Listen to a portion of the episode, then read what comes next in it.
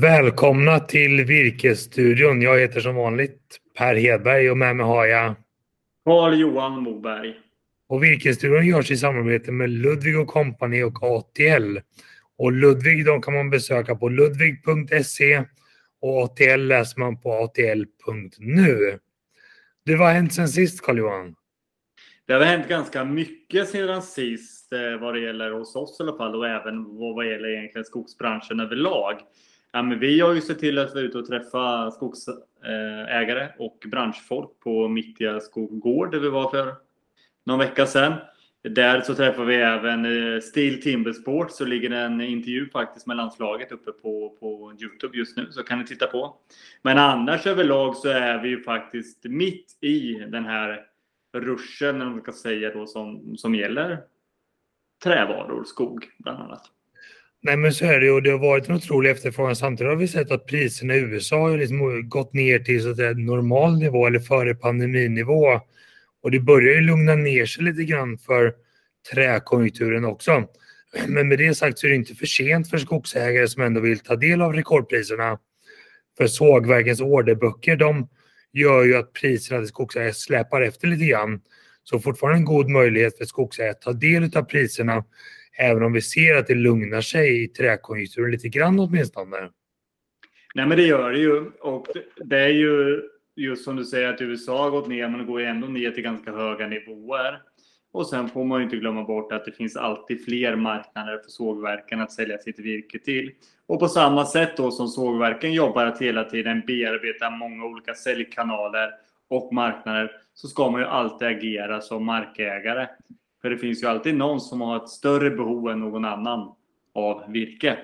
Nej men så är det och framförallt när marknaden förändras, antingen att den går neråt eller att den går uppåt, så är det alltid någon aktör som är mer gynnsamt exponerad i sin marknad och därmed också kan betala bättre för virket. Så att konkurrensutsätt alltid virket för att nå dem som kan betala bra och gör ingen dålig affär. Kan vi på något sätt kvantifiera den här nedgången på marknaden som du nämnde? Nej, men det tycker jag absolut och vi ser det tydligt i den här virkesprisindikatorn som vi gör på virkesbörsen att sen den har stigit egentligen sen förra våren efter en snabb nedgång i början av pandemin så var faktiskt nu i augusti den första månaden på väldigt länge som virkesprisindikatorn gled neråt. Och det indikerar verkligen ett trendbrott för virkesprisindikatorn. Det gör att sannolikheten för sjunkande virkespriser den har ökat. Men virkesprisindikatorn är ju på en väldigt hög nivå fortsatt. Så det är, inget, det är inget ras vi ser, men vi ser att det börjar krokna. Jag tror att vi kommer inte se lika kraftiga och snabba prisökningar på virke som vi har gjort hittills i år. Utan nu kommer de börja lugna ner sig lite grann. Så att det är väl en tydlig kvantifiering. Den kan man gå in och läsa på virkesborsen.se nyheter exempelvis kan man läsa virkesprisindikatorn. Men den här gynnsamma konjunkturen, Carl Johan, den har gjort att sågverken investerar och bygger ut och vill ta del av den goda konjunkturen. Men det gör också att ledtiderna för utrustning till sågverken har ökat. Kan du berätta mera? Ja, men det här är ju så intressant för då får vi ju den här effekten spiller över till alla andra branscher. Men det gäller ju både lastmaskiner, truckar, sågverksutrustning och de bitarna. Och inte minst eh, torkar. Och tor torkningen är ju en jätteviktig process i själva hanteringen. För det är egentligen det, det, det tar ju den tiden det tar att torka. Och eh, det är ju inte sådär jättelätt att bygga en, en tork. Det är ju en komplicerad process och det tar lite tid. Eh, och därför har vi kopplat upp oss mot Robert Larsson som är VD på det svenska bolaget Vadetech som är väldigt stora på just torkar. Och han vittnar ju om den här efterfrågan då, att det är fler sågar nu som investerar och det är längre ledtider. Så att eh, nog från mig så tycker jag vi hör vad Robert har att säga istället. Då hälsar vi Robert Larsson välkommen till Virkesstudion. Kan inte du berätta lite om dig själv och Valutech som du är VD på? Absolut, det kan jag göra.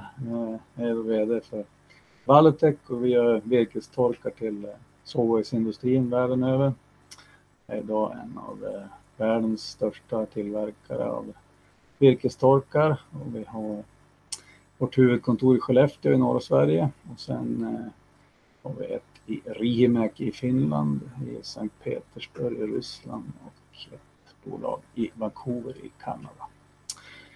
Så vi börjar väl täcka ungefär norra halvklotet i alla fall. Kan inte du liksom eh, förklara lite kort för, för oss då hur, vilken roll virkestorken har i förädlingskedjan? Ja, det handlar väl eh, framför allt om att inte förstöra virket. Att se till att man får så bra kvalitet eh, som möjligt på det. Det vill säga torka det utan sprickor. Torka det till rätt fuktkvot så att man har liksom rätt fuktkvot mot rätt slutprodukt. Ska det vara en inomhusprodukt så ska den ha lägre fuktkvot, typiskt kanske 8 procent. Är det en ytterpanel till exempel så ska den vara anpassad för ett utomhusklimat. och Typ 18 procent pratar man om frukostvärden.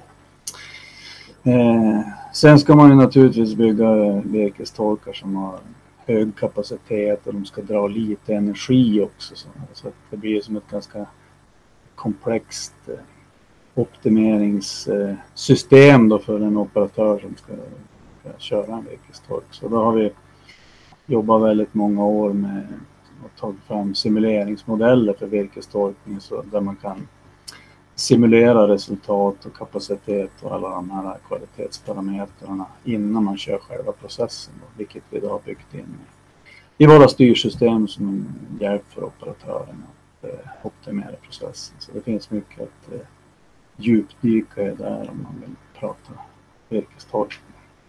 Nej, men det är väl en hel vetenskap antar jag och det är väl verkligen så att det är förbi. Ja, menar, förr i tiden då fick det stå och lufttorka, men då var det väl andra krav också från slutkonsumenten än vad det är idag.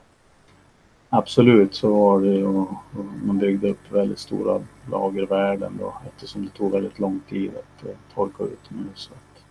Idag går det betydligt snabbare, kanske ja, från en 15-16 timmar på de tunnaste brädorna till eh, kanske en vecka om vi tar lite grövre och tjockare material som ska torkas ner längre. Men relativt snabba processer idag det är inget snack om saken att det råder eller råder en högkonjunktur vad gäller sågad vara. Hur upplever ni den här då som är en del av den viktiga processen i att förädla virket?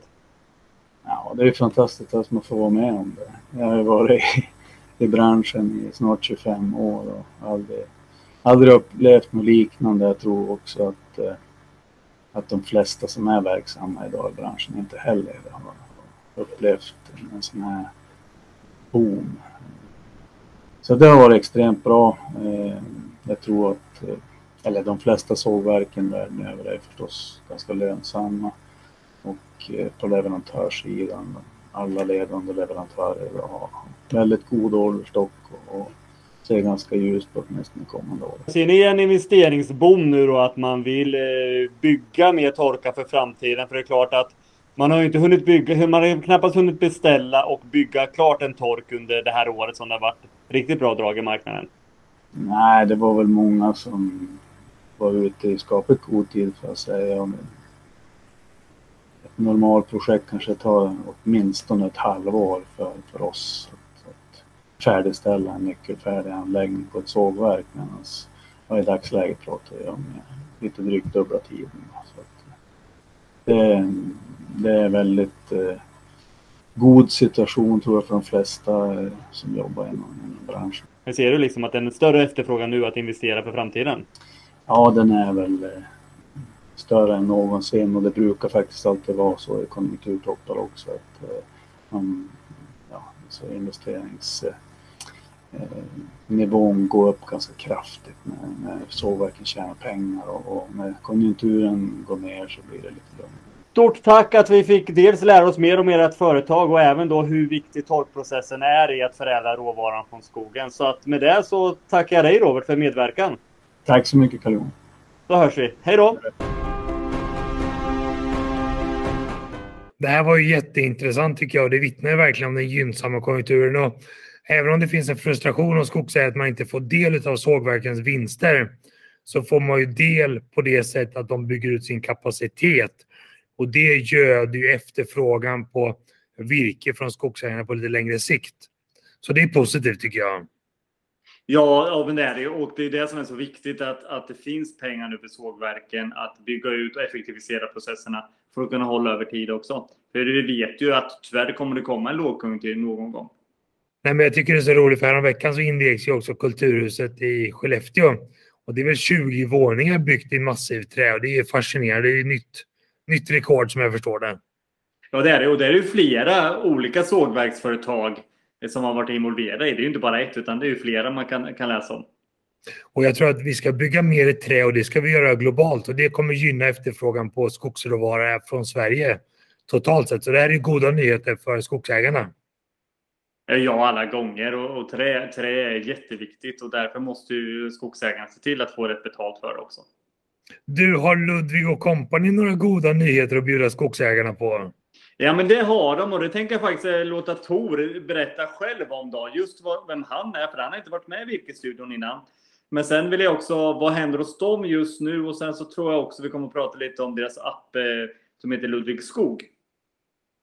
Vi tar och kikar på det och Tor kan väl vara bra att veta om att man kan också läsa hans krönika när vi skickar ut vår virkesprisindikator varje månad. Så kan man läsa vad Tor håller som aktuellt i skogen just nu också. Men över till Tor istället. Välkommen till Virkesstudion Tor. Tackar, tackar. Du kan väl berätta lite om dig själv och vad du jobbar med på Ludvig Company? Ja, tack så mycket. Ehm, jag jobbar på Ludvig Company här nere i Skåne och eh, sysslar med eh, affärsrådgivning och investeringsrådgivning eh, samt skoglig rådgivning. Och eh, de första två är inte direkt kopplat eh, till skog, utan jag jobbar lite med andra verksamheter och andra branscher. Men det kommer in också lite mot skog. Men sen då framförallt är jag då skoglig rådgivare och jobbar mot skogskunder och skogsägare, stora som små. Framförallt nere i Skåne, men även resterande landet. Det är ju ett, ett stort företag med över 130 kontor, så det är klart att det får väl en hjälps åt mellan kontoren också. Ja, men precis. Det gör vi. Om vi kollar, vi är inne i höstmånaderna här nu. Vad är aktuellt just nu hos er på Ludvig Company? Vad jobbar ni med mot era kunder? Vi utgår alltid från eh, skogsägaren som är våra kunder eh, i skogssegmentet och var de någonstans är i livscykeln liksom, på året. Ehm, och i år, nu är det på hösten och då kommer ju, eh, är man ofta ute i skogarna och framförallt så är det ju jakten som börjar komma igång här eh, i, i eh, norröver så är jakten igång för fullt medan i eh, oktober här så kommer den igång nere i södra delarna av Sverige och Mellansverige. Och som skogsägare kanske man inte har riktigt eh, fokus då på ekonomin och deklaration och bokslut. Eh, utan man har fullt fokus på jakten eller att plocka bär och svamp. Eh, men det är ett bra tillfälle att vara ute i skogen och eh, se så att allt ser bra ut ur skogsskötselperspektiv. Hur, hur ser det ut? Är, är många av markägarna förberedda inför bokslutet nu som kommer då med skatten och deklarationen som ska göras? Väldigt varierande är det ju. Eh, vissa är ju väldigt eh, pålästa och eh, förberedda medan andra är ju ofta kanske har någon korrelation med ju mindre man är kanske man skjuter det här äh, till, till nästa år. För mycket handlar ju för att få en bra bokslut och äh, deklaration och skatteplanering handlar ju mycket om att vara proaktiv och försöka se några år i framöver. Äh, och ta även in det i skogsskötselperspektivet.